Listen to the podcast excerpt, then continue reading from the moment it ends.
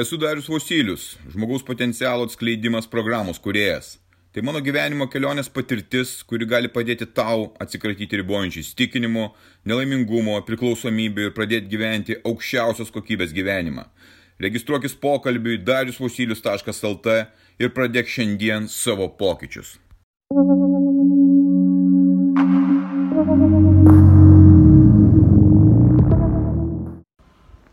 Turėjau progą pusantro mėnesio stebėti įvykius mieste. Kaip miestas gyvena, kuo jis kvepuoja, ką veikia žmonės.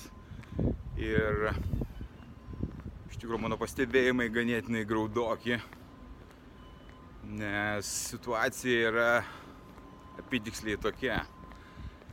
Visi maksimaliai stengiasi tenkinti savo, savo poreikius per maistą, per alkoholį ir per pramogas maksimaliai. Parduotuvės, kurios yra, kurias aplankiau, didėjai prekybos centrai. Kokia beprotiškas, koks beprotiškas yra pasirinkimas prekių. Tiesiog akis raipsta bet kokiam produkte. Ar tai maisto produktai, ar tai alkoholis, ar dar kažkas, tai yra begalė, begalė, didžiulis pasirinkimas ir žmonės tiesiog pasimetę, bet vis tiek renkasi, prisideda skirtingų produktų, nes visko tiek reikia, tiek reikia, tiek reikia valgyti. Didžiulės, didžiuliai krepšiai vežami maisto, alkoholio ir bilenko, kas užpildo jų tuštumą, jų širdise, jų gyvenime. Lygiai taip pat mieste. Dabar sporto klube Gedimino 9 buvo du žmonės. Tai yra dabar, tai buvo rytas, tai buvo apie 7 val. prieš 7 šiandieną. Mieste, besišlaistančių, prie barų, girtų, gulinėjančių ir visokių apsimyžusių, apsivėmusių žmonių dešimtis. Skirtumas labai aiškus. Buvau vienoje vietoje, kuri vadinasi, nesakysiu kaip jinai vadinasi, ofisinis naujas biurų pastatas, didžiulis modernus valgykla, antro aukšto valgykla, ateini ir pasirinkimas yra iš iPadų. Tai yra tik tai elektroninis pasirinkimas maisto produktų. Juos pasirinkiai, eini toliau. Sekantis žingsnis viršui kabo du ekranai. Vienas ekranas rodo, kuris maistas yra gaminamas, kitas ekranas rodo, kuris maistas yra paruošimas ir atsiunčiamas tau nematai žmonių, nes išlenda padėklas su maistu iš tos kilės ir tu pasiemi ir eini toliau. Nei vieno gyvo aptarnaujančio žmogaus. Viskas elektronika, jokių grinų atsiskaitimų. Žmonės valgo iš tų. Ten vyksta veikla elektroninė, programos elektroninės, e, verslai elektroniniai, viskas skaitmenizuota. Dabar irgi prekybos centre virtualios realybės žaidimo pramogos. Okay viskas irgi labai aišku. Dukros paklausiau, parodyk, kokia yra situacija su filmų industrija, serialais, kas vyksta, ką žmonės daro. Parodyk man vieną iš tų kompanijų, kurios teikia tokias paslaugas. Ok, Netflixas. Parodė tą begalinį pasirinkimą visko, visų filmų, serialų, tu galėtum visą gyvenimą tik tai gulėti ir žiūrėti. Taip ir vyksta tikrųjų žmonės paskendė pastoviam savo tuštumo užpildymui per beprotišką maisto vartojimą. Vakar, tai yra šeštadienį mieste, visos gatvės metras prie metro yra kavinės. Tiesiog net nežinai į ką eiti, ką valgyti, ką gerti.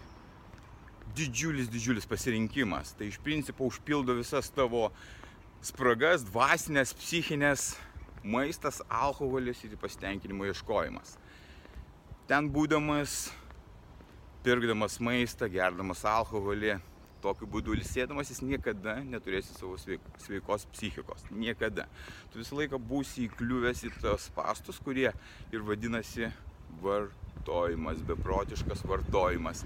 Žmonės nebežino, ko jie nori, ko jiems reikia jie nebežino nei prasmės, nei tikslo. Kas yra atsitikę su žmonėmis? Kodėl taip vyksta? Kodėl jie vedami tuo keliu? Kai aš leidžiu savo pasiduoti lygiai tam pačiam vartojimui, lygiai tas pats atsitinka. Tiesiog banga tave įtraukia į tą vartojimą, į tą beprasmybę, tu tenkinėsi ir užsipildai maistu, lengvų buvimu, poilsiu ir tai atrodo, kad užpildo tave kažkuo tai. Bet iš tikrųjų tai yra visiškos šiukšlės, gyvenimo šiukšlės. Dėl to žmonės nusiminę, serga depresija, gyvena liudesyje, pyktyje. Jie serga psichikos lygomis, todėl kad jie negyvena savo tikro gyvenimo, todėl kad jie nesijaučia savo vietoje. Tai netikras jų gyvenimas. Tai yra apgaulė mistika. Ypač tai jaučiasi mieste, kur viskas yra skirta būtent tam principui - vartojimui, užpildai savo gyvenimą vartojimu, dirbi, tau suteikiamos kelių dienų atostogos.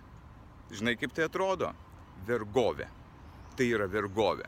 Vienintelis būdas, kurį aš radau, kuris leistų išsilaisvinti iš šitos vergovės, yra savęs ribojimas sąmoningas savęs ribojimas vartojime.